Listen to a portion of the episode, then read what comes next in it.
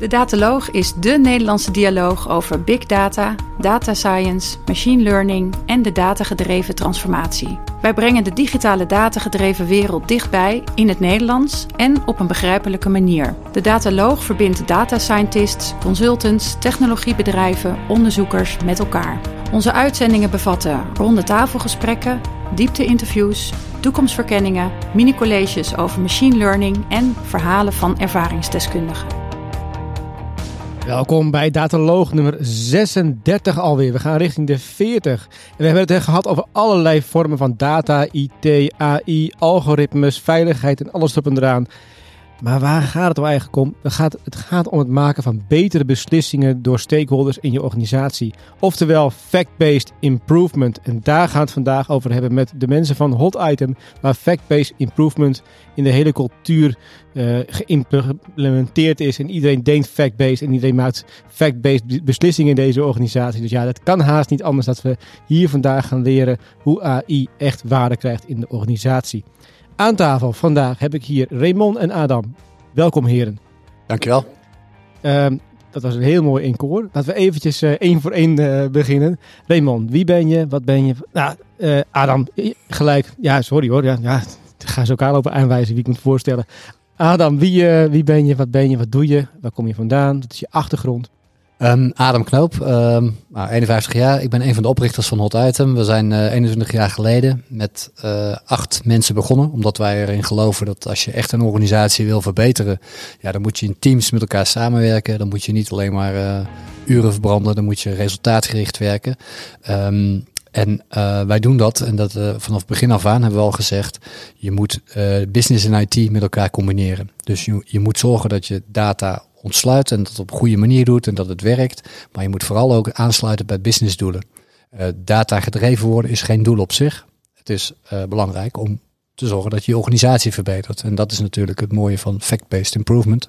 Het gaat feiten gebaseerd, maar wel verbeteren ook.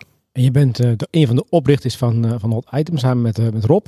De, is dan was dan de een destijds de business kant en de andere de IT kant? Of zijn jullie allebei IT Leuke, leuke vraag. We zijn met z'n achter begonnen. Met z'n dus, achter? Ja, en uh, Rob en ik zitten denk ik allebei wat meer aan de business kant. Business. Uh, wij waren allebei niet zo super technisch. We hebben allemaal geprogrammeerd hoor, dus een beetje technisch zijn we wel.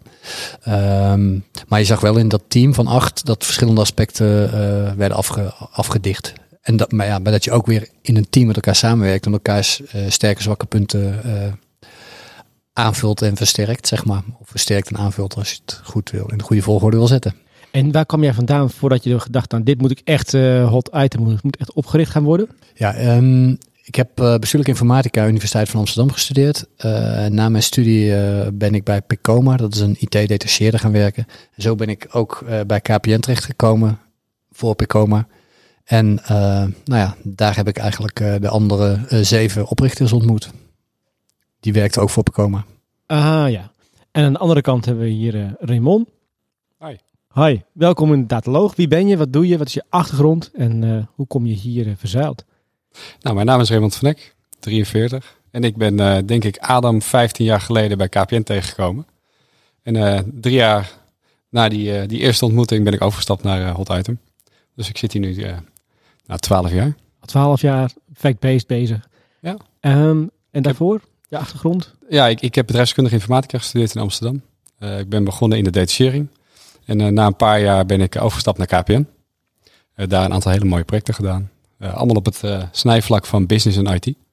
En ja, eigenlijk met Hot Item mooie projecten gedaan. En eigenlijk toen de behoefte gehad om dat soort performance improvement projecten bij andere organisaties te gaan doen. Wat maakt performance improvement nou zo interessant, heren? Nou, ik denk als je gaat kijken naar prestatieverbetering, en dat is ook, uh, ja, dat, dat, je zei het net al, het zit in de haarvaten van, uh, van de hot items. Uh, je ziet dat we graag organisaties helpen met het verbeteren van prestatie. Dus we willen, willen eigenlijk voor, voorwaarts verbeteren. En dat zie je ook bij de mensen zelf wel. Ik ben zelf ook wel zo'n een, een beetje een, een data freak. Ik loop veel hard en nee, je hebt hele mooie statistics die je uit je horloge kan halen. Um, maar ja, het, het, verbeteren doe je vanuit integraliteit. En als je kijkt wat mijn rol is binnen Hot Item, ik ben verantwoordelijk uh, voor alle programma's die we doen. En uh, ja, de programmamatige aanpak leent zich heel goed voor om ja, vanuit feiten te gaan verbeteren. Dat is eigenlijk een, ja, aan de ene kant kun je projecten doen, Maar uiteindelijk zie je dat het ook gepaard gaat met lijnorganisaties en het veranderen van mensen. Ja, dus uh, de, het veranderkundige daarin is ook een uh, heel belangrijk aspect. Helder verhaal. En ook een leuk aspect. Ja, is het veranderkundig het leuke aspect in deze... Een van de leuke aspecten, ja. Ik vind het juist leuk om die techniek, data, te combineren met het veranderkundige aspect. En dat zie je ook weer terug bij onze mensen. We hebben dus een aantal mensen die meer business georiënteerd zijn, mensen die meer de, uh, technisch georiënteerd zijn. Maar we vinden het belangrijk dat iedereen voor zichzelf bezig is om te verbeteren. Dus individueel verbeter je, maar je verbetert ook de organisatie, altijd, maar je verbetert ook je klanten. Even voordat we dan helemaal de diepte ingaan ja, en naar het nieuws gaan. Um, 20 jaar geleden. We begonnen op.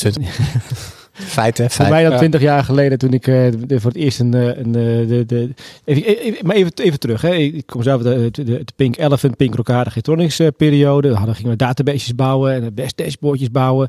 En toen heette het volgens mij Rapid Prototyping. En daarvoor heette het Knowledge-Based Decision Making. En toen heette het. nou ja, nu heet het Big Data. We heet het nu een tijdje Data Science en nu Machine Learning. Business intelligence. Oh, business intelligence ja. ben ik nog even vergeten. Ja. We helemaal mooi terugkijken. Fact-based improvement. Is het nou iedere keer uh, dezelfde wijn in een nieuw jasje? En is het nou, geven we er iedere keer een ander, ander stempeltje op? Of ga, doen we het nou een stukje complexer dan, dan, dan het vroeger was? Nou, ik denk dat het aantal elementen hetzelfde zijn gebleven. Dus uh, zeg maar de, de, de data en de business met elkaar combineren, dat, zijn van, dat is hetzelfde gebleven. Maar het is, het is wel echt heel erg veranderd. Ik bedoel, uh, sowieso de technologie van 20 jaar geleden is niet meer die van nu. Maar er is nu ook gewoon, omdat er veel meer data is, is, is het gewoon echt heel anders.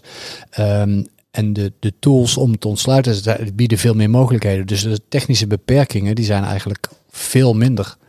Um, dat betekent dat het, de aandacht van hoe ga je nou waarde uit data halen, hoe ga je nou echt ermee aan de slag, hoe ga je ermee sturen, dat is wel heel erg verschoven van de technische uitdaging naar ja, hoe ga je het nou inzetten bij je organisatie? Hoe zorg je dat je de cultuur, de, uh, de, het, het sturen op data bij mensen tussen de oren krijgt? Want er is nu al zoveel dat, ja, voorheen konden managers zeggen, ja, ik kan niet sturen want ik heb geen data. Ja, daar kom je echt niet meer mee weg. Want er is heel veel. Helder verhaal. We gaan, we gaan eerst naar het nieuws en dan gaan we er nog eens even heel diep induiken naar hoe het in principe in elkaar steekt. Het data nieuws van de week. Het datanieuws. Ja, ik zie dat je, Adam, dat je allemaal papieren voor je hebt liggen en dat je een mooi verhaal hebt. Dus ik ben heel benieuwd wat je ons uh, gaat vertellen. Ja, um, wij hebben een beetje het zoeken naar van uh, wat is nou interessant om te vermelden. Nou, dan uh, heb ik hier een artikel um, va, waarin staat Companies are failing in their efforts to become data-driven. Nou, dat is een onderzoek. Nou, en, een onderzoek van? Ja, uh, de Harvard Business Review is het. Dat is, dat is geen, uh, geen... Geen Nederlands onderzoek, nee. nee maar ook niet, dat is wel gerenommeerd. Harvard dat Business is, Review... Dat is niet de eerste beste, nee. Ja, ja. en daar staat van alles in. Ik ga niet het hele onderzoek voor, samenvatten. Maar wat ik interessant vond is... de, het percentage van organisaties die zichzelf identificeren als data gedreven... dat is de afgelopen drie jaar... En wat denk je, ik hoop gestegen. Het is gedaald. Nee! Ja, ja dat is verrassend. Het is gedaald van 37,1 naar 32,4 naar 31,0 dit jaar. En dan kun je afvragen, hoe komt dat? En wij hebben daar een beetje over na zitten denken. En dat wordt hieronder ook een beetje geanalyseerd. Ik denk dat, het, uh, dat veel organisaties steeds meer beseffen uh, wat erbij komt kijken om data gedreven te zijn. En dat uh, drie jaar geleden iedereen zei, ja natuurlijk zijn wij data gedreven, want we doen heel veel met data. Maar uh, nu beseft iedereen van, nou ja, we, hebben nog heel veel, heel veel, een heel lange weg te gaan voordat we echt data gedreven zijn. Dus ik, ik zie dit als een, een, signaal van betere bewustwording bij organisaties. Het sluit ook wel aan de vraag die je net stelde. Van, joh, de 15, 20 jaar geleden hadden we al knowledge management uh, en allerlei andere mooie kreten en uh, oude wij nieuwe zakken. Maar inderdaad, een stuk bewustwording en de, de mogelijkheden van data. En dat data niet meer IT is, maar dat data nu een asset is dat zelfs uh, ja, de, de, de bestuurskamers de vraag stellen, maar die data, daar zit waarde in, hoe haal ik het eruit? Ja, dat geeft ook wel aan van uh, wat je ermee kan doen. Maar mij beklijft dan ook wel een beetje het gevoel van, hebben we dan niks geleerd? Uh, toen ik, toen ik uh, in tweede, dat is 2000 het vak Knowledge-Based Decision Making kreeg, toen we hadden zo'n heerlijke professor die vertelde dat je dat allemaal kon, dat je allemaal beslissingen kon nemen. En dan kom je het arbeidsmarkt op en dan denk je van, nou iedereen maakt waarschijnlijk goede beslissingen op basis van, uh, van feiten. Van feiten. Ja. Nou, daar gaan we. We zijn nu twintig jaar later. Ja, maar ik denk wel als je ook kijkt naar de, de, de, de, de oorsprong van het item, business en IT alignen. Mm -hmm. Kijk, ik, ik denk dat, dat business zeker, eh, zeker het idee heeft dat ze heel goed sturen op bepaalde data en output. Maar als je het aan de IT'er vraagt, ja, die hebben een heel, andere kijk op. Dus ja, hebben we niets geleerd. Wij, kon, wij eh, ervaren nog steeds dagelijks dat, dat het gat tussen business en IT gewoon nog steeds bestaat. Ja, eens. Ja, ehm, hebben we niks geleerd. Ik denk dat we heel veel geleerd hebben. Maar ik denk dat er ook nog steeds eh, wel ook beginnersfouten worden gemaakt. Dus dat, dat ook. Ehm, maar dat het ook wel complexer is geworden. En eh, het, het, sturen op feiten, dat klinkt natuurlijk heel makkelijk. Maar als ik gewoon eh, naar de wereld kijk zoals die nu is, dan wordt er ook heel veel op een heel hoog niveau, ook niet op basis van feiten gestuurd. Dus het is niet zo. Het, voor de hand, het lijkt heel erg voor de hand liggend, maar dat is het dus niet. En dit onderzoek, dus van de Harvard Business, dat wordt het ieder jaar gedaan? Of is het een, een je noemt getallen van vorig jaar en het jaar daarvoor? Ja, ze doen het elk jaar. Ja. ja. Gaan, we, gaan we omhoog de komende jaren? Dus gaan we nu, over vijf jaar staan we nu op 70 procent?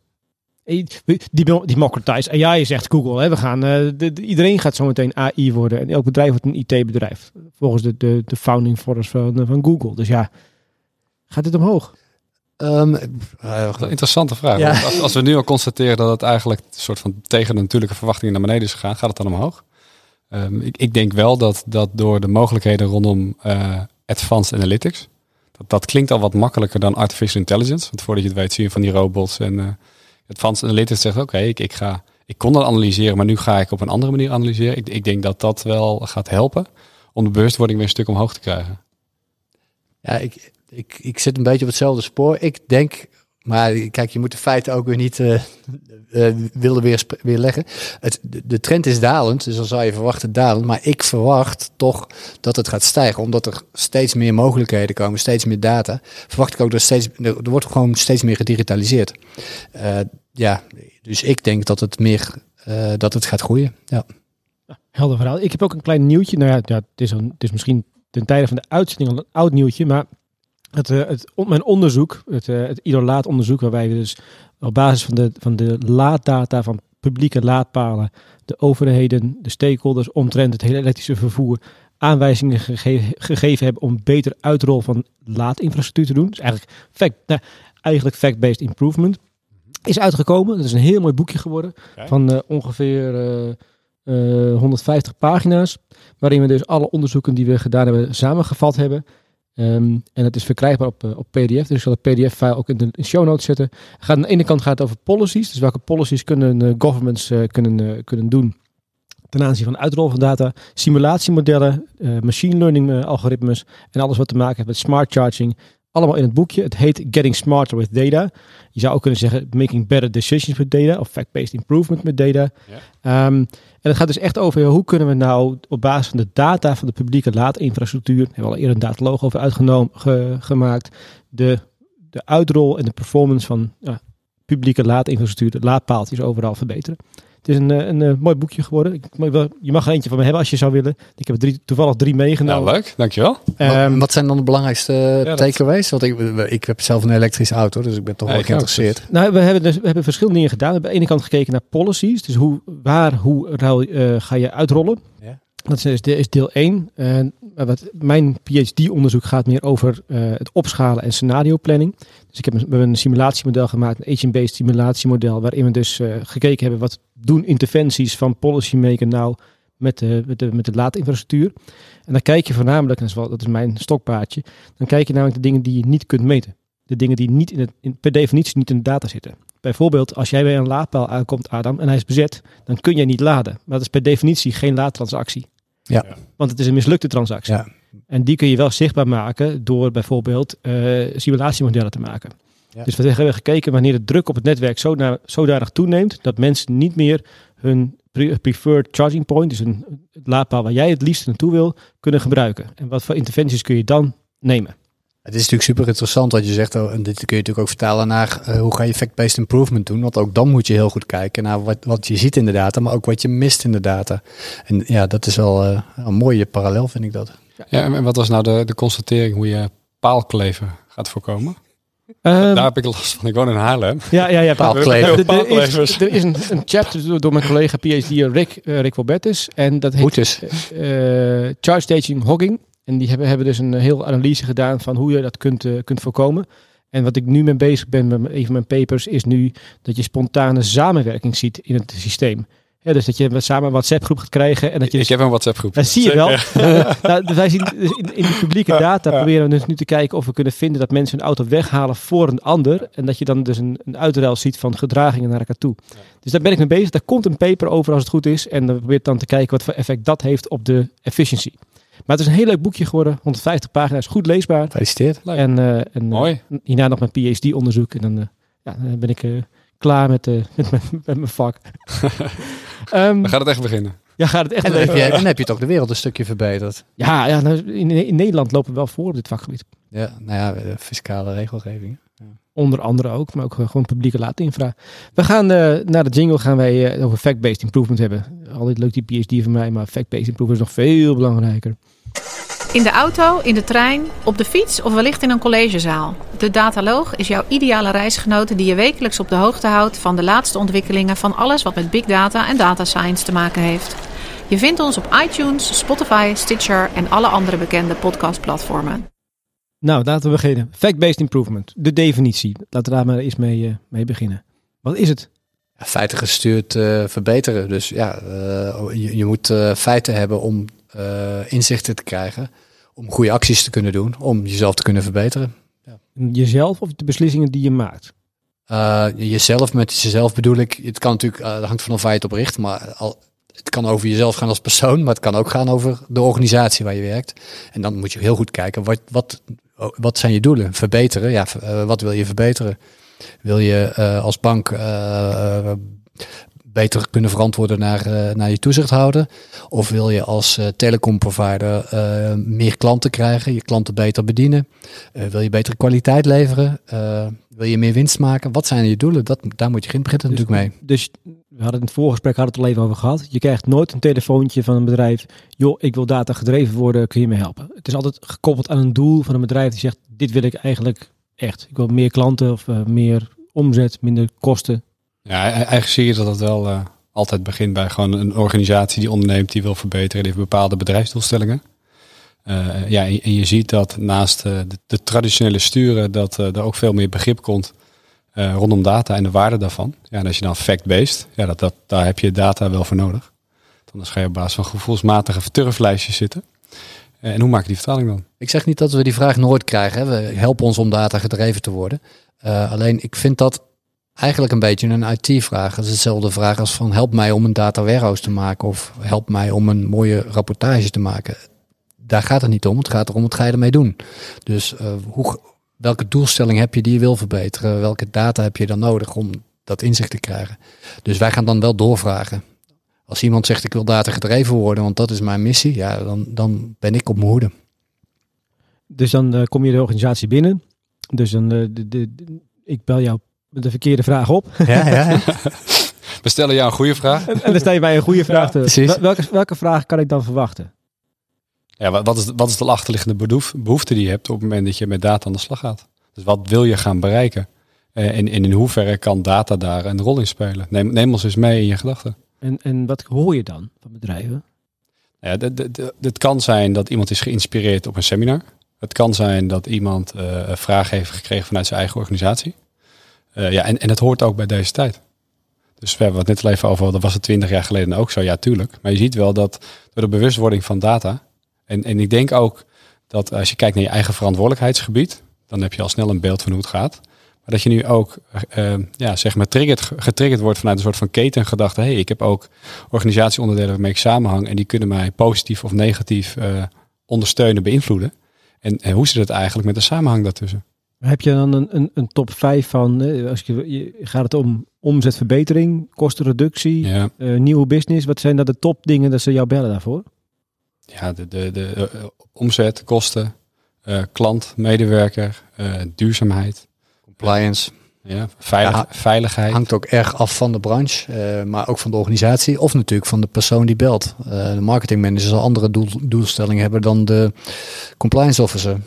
Ja. De, waarom-vraag wordt stellen we ook heel veel. Waarom wil je dan data gedreven worden? En dan krijg je ook wel vaak van ja, de wereld verandert, wij moeten mee, we moeten innoveren. En dat is op zich natuurlijk ook wel waar. Uh, alleen het gaat pas werken als je het ook linkt aan wat je echt wil bereiken als organisatie. Want dan is de rest van de organisatie bezig om, nou ik noem maar wat, meer winst te maken. En jij bent dan met een heel klein groepje bezig om data gedreven te worden. Dat gaat niet werken. Terwijl als je bijdraagt aan die winstdoelstelling, dan wel. En waar, wie belt je? Wie, wie, wie in een organisatie is dat typerend voor diegene die zegt: Ik wil iets met fact-based improvement doen. Ik wil betere beslissingen kunnen maken, meer inzichten en dergelijke. Nou ja, je ziet eigenlijk dat uh, bijna alle projecten die we doen, die uh, doen we vanuit de business. Zoals marketing, sales, finance en, en eigenlijk minder vanuit, uh, vanuit IT. Dus die behoefte om iets te verbeteren, die komt altijd vanuit business perspectief. En is het dan business management of is het business operationeel? Hoe hoog moet ik zitten? Waar moet ik aan denken? Nou, e-, eigenlijk, we vertrekken nu vanuit een belletje. Uh, vaak worden we niet gebeld, uh, maar zie je toch dat we ja, op een bepaald moment komen, komen we in aanraking met uh, potentiële nieuwe klantenfonds. dat kan op seminars zijn, dat ja, kan via andere. Of op on onze eigen fact-based improvement dag, waar we klanten en potentiële klanten hebben uitgenodigd. Of, of via deze mooie podcast. Kan, okay. kan, natuurlijk ook. Kan dus, allemaal. Dus, dus stel er komt een, een, een salesbaas bij ons in de lucht die zegt, ja, ik, mijn klanten lopen weg. Ik heb gewoon een hoge churn. En nou heb ik wel een vermoeden waar het aan ligt. Maar uh, ja, je ziet gewoon dat, uh, dat dat gaat nu zo hard. Dat, dat tijd moeten we keren. Maar we hebben eigenlijk nog niet goed de vinger erachter gekregen waar dat aan ligt. Nou, dan, dan zie je eigenlijk dat wij ja, via een critical business issue op zoek gaan naar de crux. De crux, dat is wel echt een, een hot, item term. Uh, je, ziet als je gaat kijken de reden dat klanten weglopen. En om erachter te komen wat nu vanuit data-analyse daar een oorzaak van kan zijn. Dan zie je eigenlijk dat er ja, in meerdere en mindere mate beïnvloeders daarop zijn. Dus die, en waar je eigenlijk naar op zoek gaat, en dat, dat noemen wij dan de, het, het, grootste element wat je moet wil gaan positief gaan beïnvloeden om het tijd te keren of het grootste impact te hebben. Ja, dat, dat, dat is hetgeen waar wij op zoek gaan naar in gesprekken. En, en, en naast gesprekken, uh, ja, op het moment dat je in de organisatie gaat praten, dan ben je echt een stapje verder dan die initiële vraag die je begint. Ga je ook naar data kijken. En, en dat is een, eigenlijk een heel mooi aanknopingspunt om te gaan stappen met fact-based improvement. Ja, helder? Of, uh, ja, ja, kijk, ik, ja wat, wat, wat, wat, het, weet je, het ja, ontstaan van uh, wat je... Nou, je, je vroeg van uh, hoe gaat dat dan, hoe start dan zo'n traject? Um, vaak begint het toch met een bepaald probleem. Want als je een probleem hebt, dan heb je een reden om dat op te lossen. Um, en dan zijn wij ook wel zo dat we zorgen dat we dat probleem aanpakken. Alleen wij geloven niet dat je alleen maar een korte termijn probleem, knelpunt moet oplossen. Je moet ook een visie hebben waar je op lange termijn naartoe gaat. En, en dat met elkaar combineren en dat stapsgewijs aanpakken, ja, dat helpt. En dan vertel ik vaak het voorbeeld van uh, een, bank waar ik uh, een hele tijd heb rondgelopen. Eigenlijk nog steeds rondloop. En um, daar zei men, we hebben hier een IT-uitdaging. Um, en toen heb ik gezegd, nou ja, je uitdaging is niet zozeer dat je nu je IT moet outsourcen, want dat was de vraag. Maar je moet eerst nadenken, wat wil je bereiken met je IT? En als je dat weet, dan weet je ook waar, waar het naartoe gaat. En toen hebben ze tegen aan mij gevraagd, kun je dat als interimmer dan gaan begeleiden? Nou, dat heb ik natuurlijk gedaan, want dat was een hartstikke leuke, leuke vraag. Maar dan blijkt, als je rondloopt bij zo'n organisatie, uh, een van de uh, belangrijkste doelstellingen van een bank is natuurlijk aan de ene kant zorgen dat je winst maakt, maar is ook dat op een verantwoorde manier doen. En een verantwoorde manier is, hoe kijkt de toezichthouder er tegenaan? Bijna alle banken lopen eigenlijk uh, heigend achter de, of eigenlijk heigend voor de toezichthouder uit, die er met grote stok achteraan loopt. Je moet nu dit en dit gaan opleveren. Je moet nu dit en dit gaan opleveren. En toen hebben wij ook met de directie toen gezegd van ja, wil je nu de komende tien jaar alleen maar voldoen aan die toezichthouder?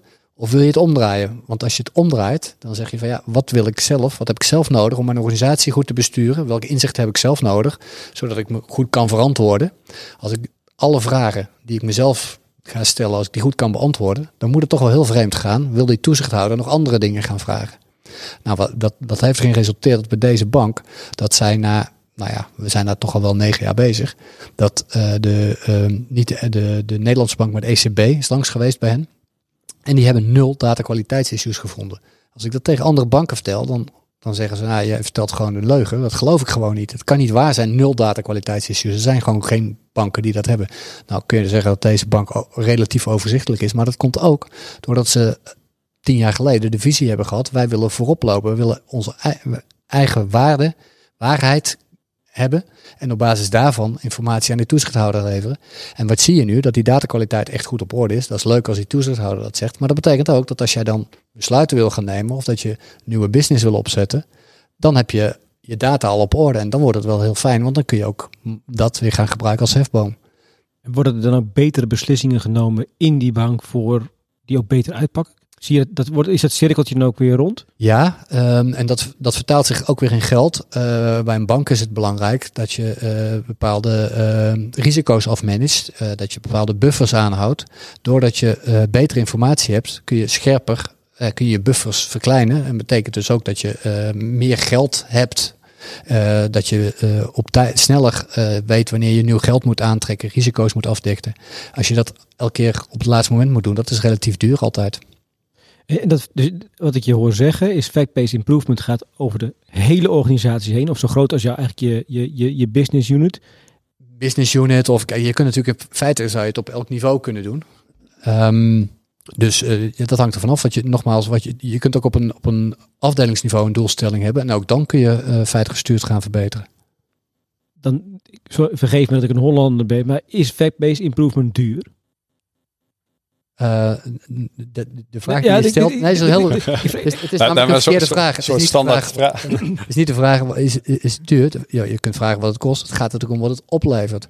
Kijk, ja, dat is dus de business case. Maar, ja, maar voordat je daar begint, ik heb, uh, hoe groot moet de zak geld zijn die ik heb? Ja, maar dat hangt dan natuurlijk erg vanaf wat je wil bereiken. Kijk, we hebben een, uh, een boekhandel, kan ik ook vertellen, met zes winkels. Ja. Um, en die zeggen van ja, we bestaan al, uh, zijn nou, misschien, ik, heb, ik weet zeker dat ik ze mag noemen, Atheneum. Waarschijnlijk ken je ze ook, want ja, uh, bijna schoolboeken, HVA, bijna iedereen kent ze. Maar het is ook best. Hij heeft ook heel veel uh, met uh, lancering van buitenlandse boeken en zo gedaan. Dus heel, het is een beetje cultuurinstituut ook. maar ja, die zitten natuurlijk ook in de boekwinkel, boekhandel, die verandert nogal. Dus zeggen zij, ja, wij moeten, onze wereld is veranderd. we krijgen verlies te maken. We moeten daar iets aan gaan doen. Hoe gaan we nou al die boek verkopers die er zijn, die eigenlijk heel veel hart hebben voor een mooi boek verkopen en er heel veel kunnen over adviseren. Hoe gaan we die nou ook feitelijk gestuurd werken bijbrengen?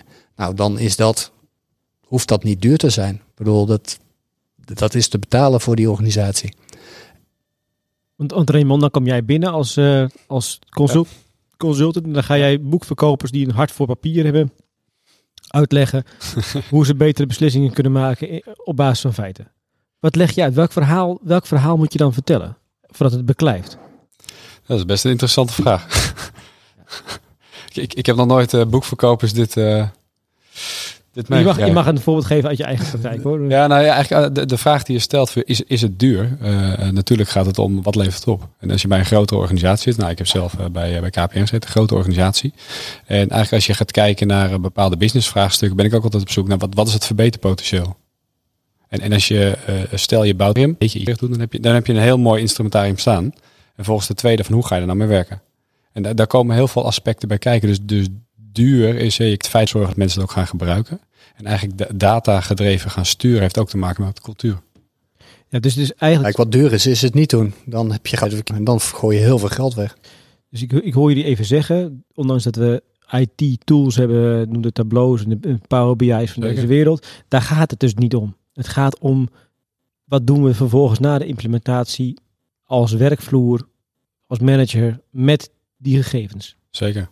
Wat doen we ermee? Hoe, hoe, hoe, hoe, krijgen we zo, hoe krijgen we zo ver dat mensen daadwerkelijk die andere beslissingen gaan maken? Nou, wat ik zelf altijd een mooi voorbeeld vind als je kijkt naar uh, callcenters. Ja. Um, uh, daar kwam op een bepaald moment de vraag van, goh, wij hebben, er wordt wel heel erg veel gebeld. En uh, hebben we nou de beste kanaalstrategie daarvoor? En uh, nou, natuurlijk is uh, bellen is een kanaal, maar ja, tegenwoordig hebben we ook allerlei andere mooie middelen om uh, antwoorden te geven. Um, ja, en, en daar zie je al snel dat, dat één belletje is duur. Dan, 6, 7 euro voor een belletje is, is heel normaal. ja, en, en als je gaat kijken, hoe kan ik nou eigenlijk die calls terugdringen daarin? Wat zou ik daarvoor in kunnen zetten? Maar dat betekent dat aan de ene kant moet je weten waar wordt überhaupt voor gebeld. En hoe heb ik eigenlijk mijn, ja, mijn routes ingericht op het moment dat een klant mij belt. Maar hoe zorg ik er ook voor dat het, uh, ja, het oplossend vermogen van mijn call agents omhoog gaat? Ja, ik kan wel denken van nou, ik zet daar studenten neer en we vangen gewoon een, uh, een call af, we registreren het en er wordt wel weer teruggebeld. Dat is wel heel erg duur. En daarbij zie je eigenlijk, het, het gaat ook om, om mensen opleiden en trainen. Uh, en vervolgens ook op, op hoog ja, directieniveau besluiten durven nemen dat je een instrumentarium inricht, wat heel weerbarstig is, wat ook duur is, maar uiteindelijk wel heel veel oplevert. Wat komt er nou uit uit zo'n klus? Uit zo'n project. Dus je hebt dus nu de, het callcenter belt, wordt te veel gebeld. En dan? Eh, nou ja, de, de- hoe, hoe we dat aanpakken of wat de feiten kan Nee, eind maar van wat, de wat, rit. wat er dan aan, aan het eind van de rit, eh, in de maand dat de calls nu naar beneden gegaan zijn. Ja, kijk, je, je, Hoe dan? Je- waarom dan? Nou, kijk, als je gaat kijken naar bepaalde KPI's en KPI-structuren, dan zie je dus dat eigenlijk de topdirectie van zo'n callcenter, en nou, stel dat daar eh, nog afdelingen, subafdelingen, en uiteindelijk heb je 1500 call agents heb je zitten. Eh, dan gaat het er ook om dat, dat iedereen vanuit zijn juiste rol en verantwoordelijkheid kan sturen op hetgeen waar hij ook invloed op kan uitoefenen. Je kan je voorstellen dat als je alle PI'tjes, dus performance indicatoren en KPI's pakt, eh, zeg maar de tellers en de noemers, dat je er misschien wel op 100 uitkomt, maar ja, niemand kan dat overzien. Dus je moet heel goed kijken van wat heeft iemand nodig om daadwerkelijk ook feitelijk te kunnen sturen. Eh, ja, en dan zie je bijvoorbeeld dat op de werkvloer dat het heel erg gaat met bijvoorbeeld een dagstart. Je begint voordat de callcenter open gaat. Goh, wat, wat hebben we nou gekregen? Wat kunnen we nou verwachten? Zijn er nieuwe producten die uitgerold worden? Krijgen we een bepaalde druk? Eh, gaat er iets met facturatie niet goed? Dus, dus eigenlijk ook ja, de, de verwachting van hetgeen wat op je afkomt met je mensen bespreken. En, en ook eh aangeven, we hebben de afgelopen tijd wel heel veel calls hierover gehad. Dus dat betekent dat we ook op dit vlak moeten gaan leren en ons gaan ontwikkelen. Dat ons eigenlijk ons lo- oplossend vermogen omhoog gaat. En, en nou, als je dat doet, dan gaan uiteindelijk ook ja, de, de, de, de, calls worden sneller opgelost. Maar op het moment dat je ook weet waar vragen vandaan komen, dan kun je ook andere kanalen inzetten. Zou je filmpjes kunnen maken, je zou kunnen chatten, eh, chatbots inzetten. Dus je ziet eigenlijk dat, dat je aan alle kanten, ja, naast kennis en kunde, eh, maar dit heeft ook te maken met, eh, met een stuk cultuur. Het gaat dus ook om het lerend vermogen van de organisatie. In dit geval. Ja, zeker. Ja. Kijk, in, inzicht is één, maar zorgen dat je wat met het inzicht doet en dat je het ook verbetert. Dan dat de lijn inderdaad, ja, in dit geval naar beneden gaan. Naar beneden is goed, weet je, minder calls. Uiteindelijk resulteert het natuurlijk in lagere kosten en dat je omzet weer omhoog gaat. Want Adam, de, de, je is nu 21 jaar in het vak. Ja. Ehm, waar, Langer nog, 26. 26 jaar al in het Ja, ik had al gewerkt voordat ik bij Item Ja. begon. Ja. Dus dan, waar zit nou de grootste barrière? Zit dat in het maken van het inzicht, van het inzicht naar de eerste andere beslissingen maken, of is het in het lerend vermogen van de organisatie? Waar zien we de barrières die, we, die, die je tegenkomt? Ik, ik denk zelf dat het, het het moeilijkste is om het te vertalen naar actie. Het, eh, de, de, de, de standaard valkuil die we ook zelf betrap ik me daar ook nog wel eens op als ik naar onze cijfers kijk. Dat ik constateer dat die cijfers nou, omhoog zijn gegaan of omlaag zijn gegaan. Maar ja, vertaal dat eens naar acties, weet je. Ja, en nu dan? Ja, en, nu, dan? En wat Ja. gaan we dan doen? En dat, dat, is, dat blijft de uitdaging. En, eh, maar dat, dat moet je met elkaar doen. En, dat, eh, en ja, de vraag was ook nog van wat, wat, hoe, zorg je nou dat het in die organisatie ook echt eh, aankomt? Dat was volgens mij de vraag. En Raymond zei dat ook mooi. Je moet ook echt naar de werkvloer kijken hoe, wat daar gebeurt. Wat, is de impact? Want je kunt wel roepen van nou we gaan eh, nou ja, eh, calls reduceren of zo. Maar ja, hoe werkt dat in de praktijk? Hoe- Kijk, als jij, ehm, je moet ook heel goed weten wat je aan het sturen bent. Want als jij, eh, ik, dit zijn van die standaard voorbeelden. Als jij zegt van ik wil de klanttevredenheid eh, verhogen. Nou, eh, ik vind het niet klantvriendelijk als mensen lange gesprekken hebben. Dus ik ga de, de, de, de gespreksduur die moet korter zijn, moet sneller to the point komen. Dus we gaan gespreksduur meten. En als je dat doet, dan, dan dat is gewoon de dood in de pot voor, alles wat je doet. Want we hebben het echt meegemaakt dat in callcenters dat mensen dan gewoon de telefoon opnemen en meteen weer erop leggen. Nou, dan heb je een korte gespreksduur. Maar ik denk niet dat de klanttevredenheid gaat stijgen. Nee, want wat je heel veel hoort natuurlijk, dit hoort situaties, is perverse prikkels. Ja, absoluut. Ja. Zeker. Hoe relateert fact-based improvement met perverse prikkels? Ja, dat is de kern. Dat, ik bedoel, eh, dat je dat voorkomt, dat je goed nadenkt over hoe je een samenhang bestuurt. Ehm, je moet kijken wat je doelstellingen zijn. En die moet je vertalen naar meetwaardes. Maar je moet heel goed in de gaten houden wat je. De meetwaarde aan zich kan geen doel zijn op zich. En dat is wel even link, want eh, nou ja, het voorbeeld wat ik net noemde is een beetje misschien een standaard voorbeeld, maar er zijn er meer van, waarbij je ziet dat je aan het suboptimaliseren bent. En eh, je, moet, je daar dus echt heel erg bewust van zijn. Ik, ik- een ander voorbeeld is eh, een grote telecomorganisatie waar we zaten. eh, ik noem geen namen, maar daar, daar werd gestuurd op eh, eh, first time right, dus op de eerste keer juist leveren. Hartstikke belangrijk dat je dat doet. Ehm, maar wat gebeurde daar op een gegeven moment? Er werden eh, echt eh, honderden orders, die werden ingelegd en die werden dan na een bepaalde periode werden ze weer eruit gehaald en op dezelfde dag weer opnieuw ingeschoten. Met de gedachte, ja, de tweede keer gaat hij in, de eerste keer goed en dat meten we en de eerste, alles wat eruit viel niet. Ja, dan heb je natuurlijk wel eens een keer het meten. Maar omdat iedereen zijn bonus ervan afhangt, gebeurt het wel op die manier. Ja, dat is toch, ja, En dat is wel, dan moet je echt wel gaan praten met iedereen. Maar dan moet je voldoende dan moet je wel echt voldoende hoog in die organisatie gaan. Om echt bewust te maken van dit is niet de goede manier. Maken jullie dan ook, ik, uh, een van de dingen waar ik toevallig in mijn promotieonderzoek mee bezig geweest ben, is met het maken van een soort van stakeholder map met KPI's. Dan zie je dus tegengestelde belangen, die kun je in, als je de juiste KPI's en de key result indicators pakt en de objectives, kun je dat mappen. Moet ik me dan voor me zien dat ik, dat ik als bedrijf jullie inhuur, dat ik een enorme aan nul landkaart krijg met dit zijn de KPI's, die relateren hieraan en dit is het resultaat daarvan. Maak, maken jullie dat soort dingen, dat je dat echt inzichtelijk maakt voor jouw klant, zodat je weet waar je wel en niet op, beter op kunt sturen? Ja, een strategy map bijvoorbeeld. Dat is iets wat wij regelmatig maken. En ik denk ook dat dat heel belangrijk is. Het kan ook een strategy map van een onderdeel zijn. Maar het gebeurt ook dat dat, dat er al is. En dan, kijk, wij vinden het ook belangrijk om het dan ook echt daadwerkelijk voor elkaar te krijgen om dingen te gaan meten en te kijken wat dan het effect daarvan is. Wat tref je aan? Als de gemiddelde klant die bij jullie aankomt, hoe, hoe staan we ervoor in Nederland qua besturing van onze organisaties? We zijn niet Amerikaans, we zijn niet, niet het, het, het, het Duitse model. Hoe doen we het eigenlijk? Nou, ik denk dat we traditioneel op uh, finance sturen best wel goed doen. Dus uh, ja, de, de bekende finance KPI's, die, die hebben we denk ik wel goed in grip.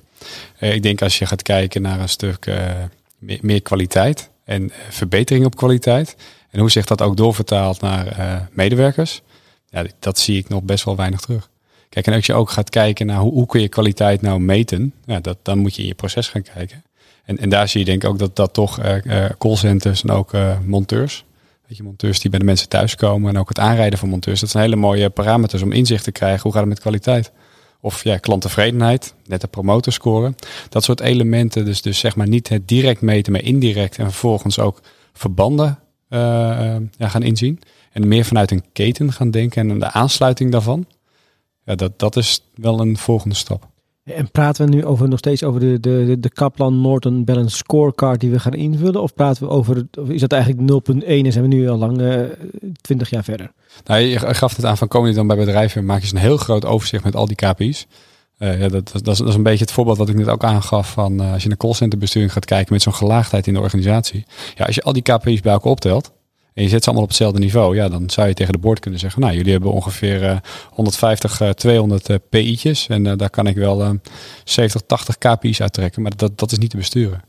Dus, dus ook uh, ja, de juiste focus uh, met de juiste doelstellingen op het juiste niveau is daarin heel belangrijk. En hoe creëer je die focus?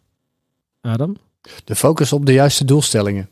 Ja, ik denk door, uh, dat, dat is ik zeg al top-down en bottom-up. Dus zorg dat je bovenlangs weet welke doelstelling je hebt en ga daar ook op sturen. Dat is dan ook wel belangrijk, dat er ook gevraagd wordt naar wat is de voortgang, hoe gaat het. En onderop zul je het moeten helpen en, en mensen echt uh, ja, de goede instrumenten geven. En, maar echt moeten helpen ook. En hoe help je dan? Door de juiste vragen te stellen. Eigenlijk wat jij nu bij ons doet. ja. Maar, maar ik denk, het, je vragen stellen is heel belangrijk. Die, call, terug naar een callcenter of een, uh, of een, uh, of een uh, melkproductiebedrijf. Die wil je helpen met, met betere beslissingen maken. Dat, ja. Van bovenaf, die, die board die is gewend aan sturen. Die snapt dat, dat we willen sturen. Die hebben de wekelijkse finance overleg, dat hebben ze ook wel.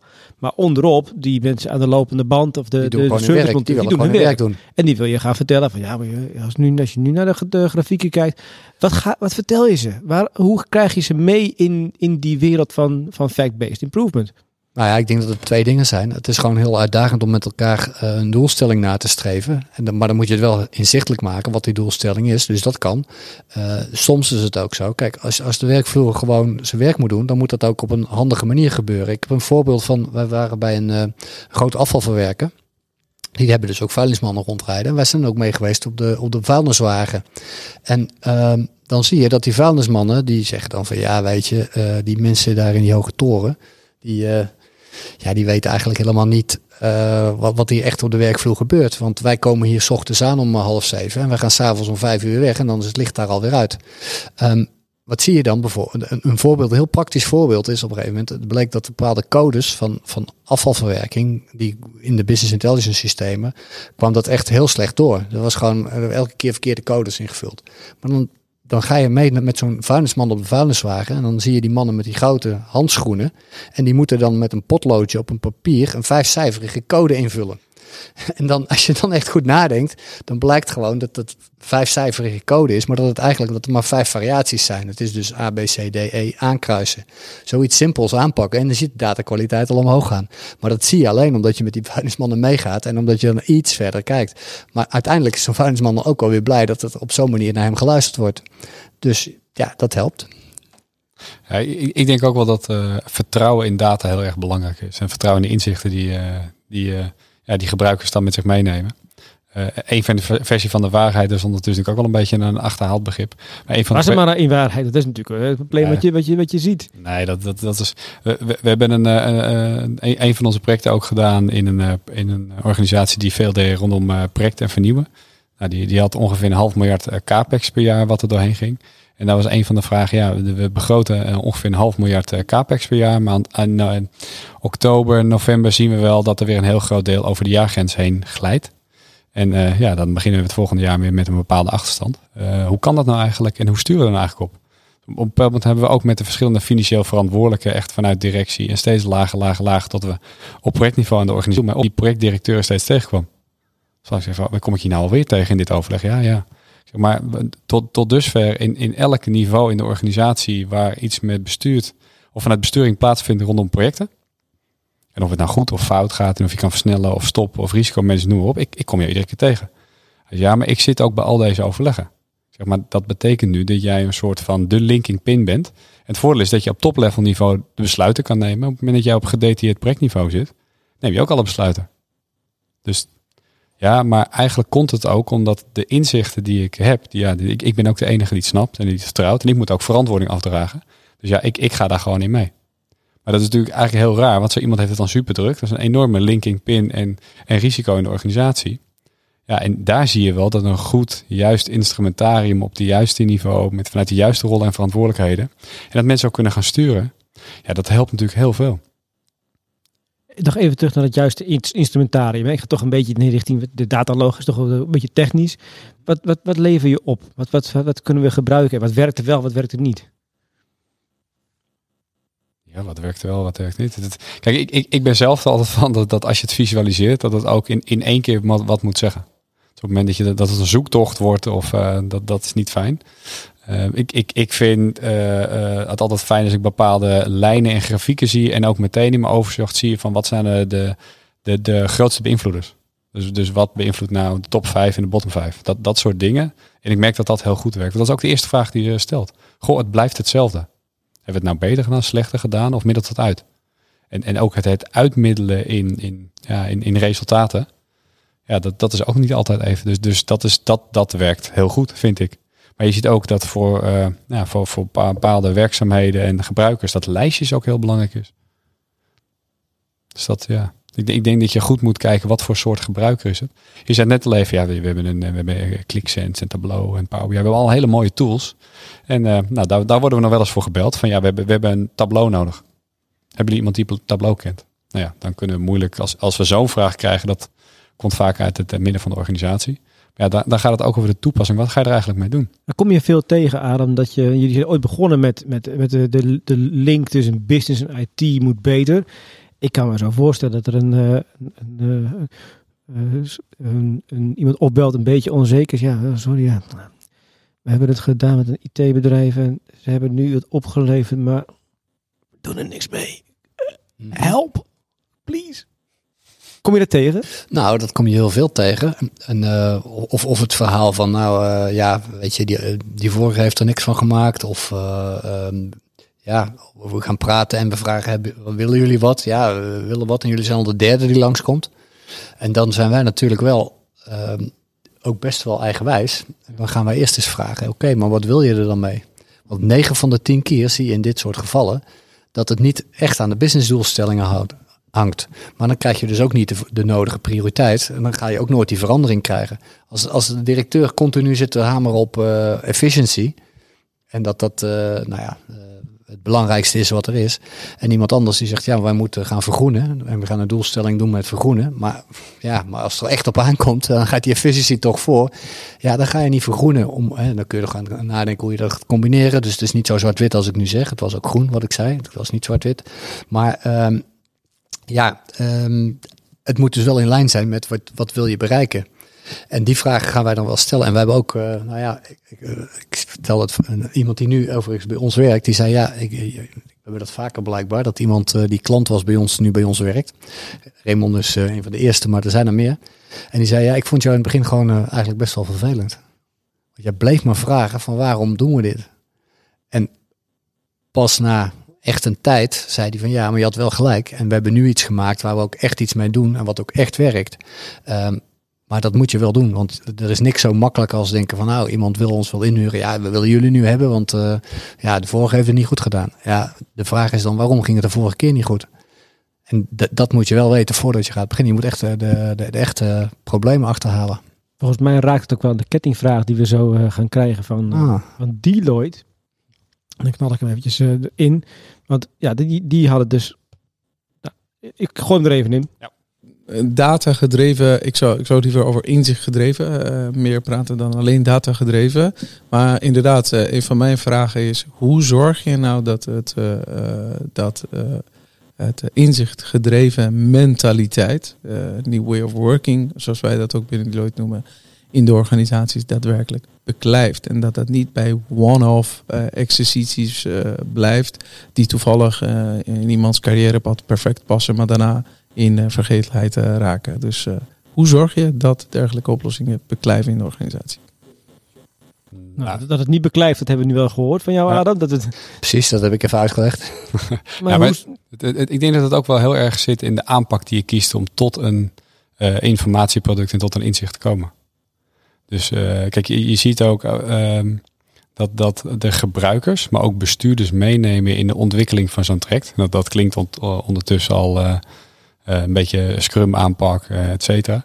Maar bij de gebruikers goed snappen van wat betekent dit nou eigenlijk voor jou en hoe ga je daarmee sturen. Dus het is niet ja, de one-off van één persoon. Nee, je maakt onderdeel uit van een groep. En op het moment dat je ergens op gaat sturen, en dat zijn weer die actionable insights. Um, ja, hoe, hoe, de, de, de, de vraag is, wat, wie in jouw organisatie ga je zo meteen bevragen op het moment dat je bepaalde inzichten hebt. En dan krijg je al heel snel dat het, ja, dan maak je deel uit van een groepje. Uh, dus, dus het zit in de aanpak, het zit in de besturing, het zit ook in de acties die, uh, die je eruit opvolgt. Dus dan zit het niet meer bij één persoon. Ik vind het heel mooi dat hij uh, niet data gedreven, maar inzicht noemt. Daar ben ik het helemaal mee eens. Ik, ik, geloof dat data inderdaad middel is. En ja, de aanpak is natuurlijk super belangrijk, terecht wat Raymond daar zegt. Ik denk dat het ook, wanneer zorg je dat het in die organisatie blijft hangen? als je succes hebt. En, en dan succes is dan niet alleen maar dat op, de, op een directeur er heel blij mee is, maar dat de hele organisatie ziet dat het werkt. Dat je echt met z'n allen dingen kunt verbeteren. En dan zie je het omgekeerde. Als je dat eenmaal, eenmaal hebt bereikt, ja, dan kun je eigenlijk niet meer voorstellen dat je het niet meer hebt. Mensen die gewend zijn aan, als wij geweest zijn, op een bepaalde manier te werken, die dan op een gegeven moment naar een andere organisatie gaan, ja, die worden gewoon helemaal gek.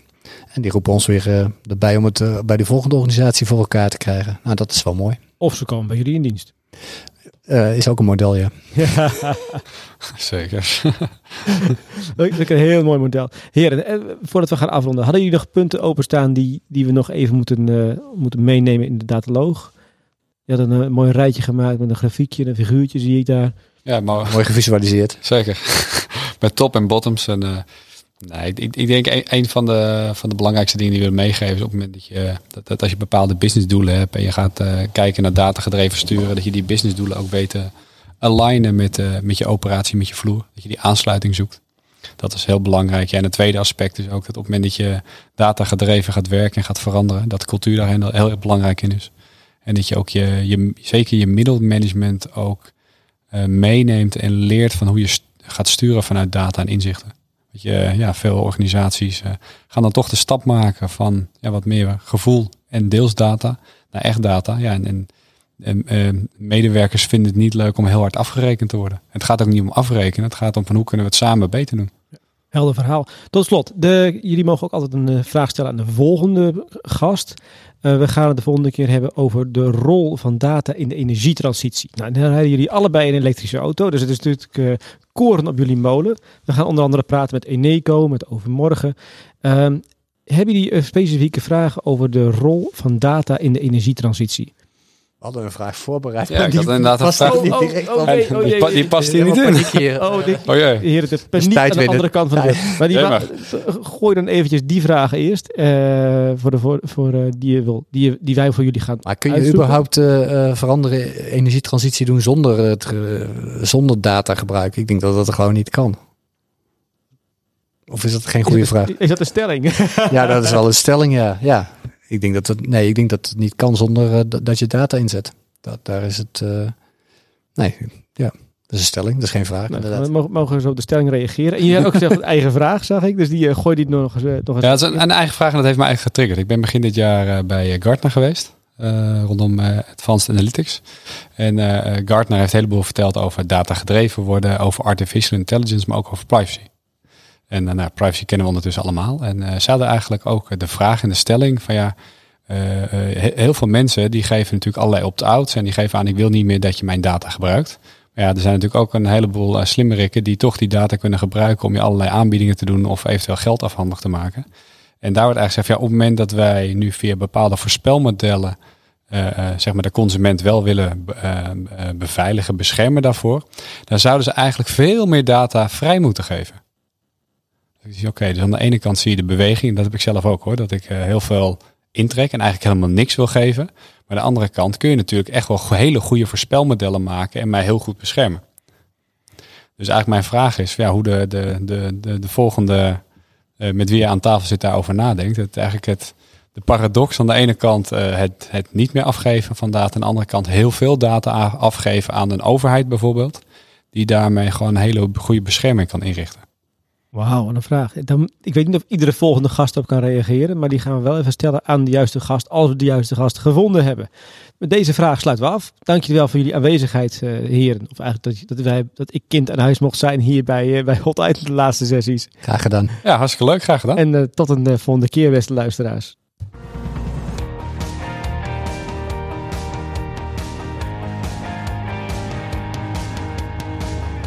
Bedankt voor het luisteren naar deze uitzending van de Dataloog podcast. Wil je automatisch wekelijkse podcast ontvangen? Klik dan op subscribe in jouw favoriete podcastprogramma. Vond je onze podcast leuk, goed, interessant of wellicht te veel ene en nullen? Laat een review achter of geef thumbs up. Heb je vragen of opmerkingen? Kijk dan ook eens op www.dedataloog.nl. Hier staan ook de show notes van alle uitzendingen. De studio van de Dataloog is gesponsord door het onderzoeksprogramma Urban Technology van de Hogeschool van Amsterdam. Alles wat we maken doen we onder Creative Commons. Je mag alles hergebruiken voor niet-commerciële doeleinden, zolang je ons als bron maar noemt. Volg ons op Twitter op @dedataloog. Graag tot de volgende keer en voor nu tot data.